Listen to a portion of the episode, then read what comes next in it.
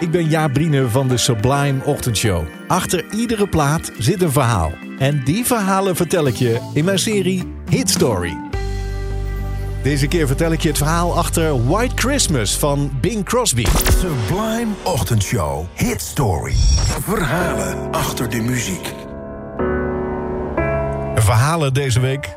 Vandaag nog een paar keer achter de grootste kersthits aller tijden. Voor deze, misschien wel de allergrootste. Daarvan neem ik je mee naar het Amerika van lang geleden, begin 1940. Tekstschrijver en componist Irving Berlin is dan 52 jaar oud. Hij heeft al honderden liedjes geschreven, vooral voor Broadway musicals, voor Hollywood films. En hij is liedjes aan het maken voor een nieuwe film met Fred Astaire en Bing Crosby. Ja, dat is lang geleden.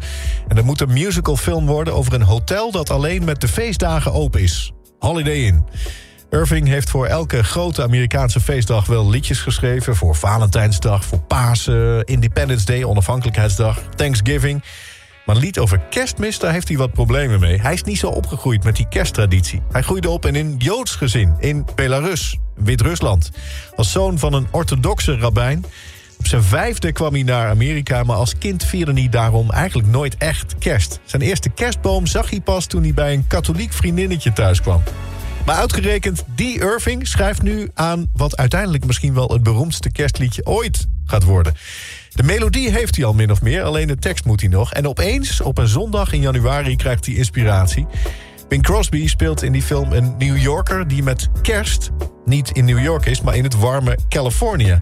Hij bedenkt zich ineens, wat als ik het nummer nou schrijf vanuit dat perspectief? Dat hij de sneeuw en de kou mist tijdens de kerst. En dat hij terugdenkt aan de kerstdagen van zijn jeugd.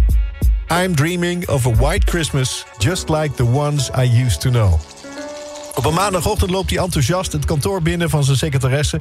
Pak snel pen en papier, want ik wil dat je iets noteert. Hij is dan wel een componist, maar hij heeft eigenlijk nooit geleerd om noten te schrijven. Hij zegt, ik heb het beste lied geschreven dat ik ooit heb geschreven. En zo wordt het genoteerd. En zo wordt het uiteindelijk opgenomen door Bing Crosby in de studio. White Christmas. Hij heeft voor die opnames 18 minuten nodig, naar verluid, meer niet. En dus een liedje gemaakt voor een film. Een film die uitkomt in augustus 1942. En White Christmas wordt meteen een hit. Is uh, dat jaar niet meer van de radio af te slaan. Zeker niet op de radiostations van het Amerikaanse leger. Amerika is dan al bijna een jaar betrokken bij de Tweede Wereldoorlog natuurlijk. En meevechtende Amerikaanse soldaten in verre buitenlanden... vragen die plaat massaal aan. Vooral vanwege dat nostalgische gevoel. Al die jongens die terugverlangen naar een tijd waarin het leven nog simpel was.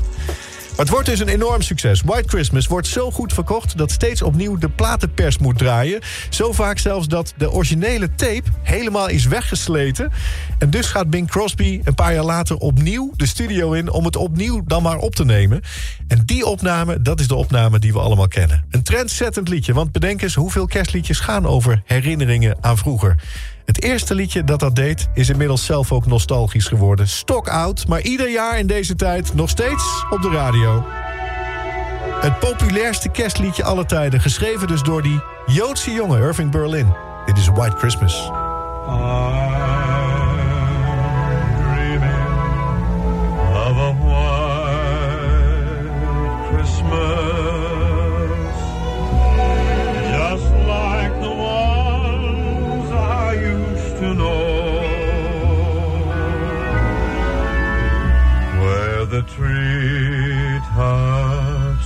listen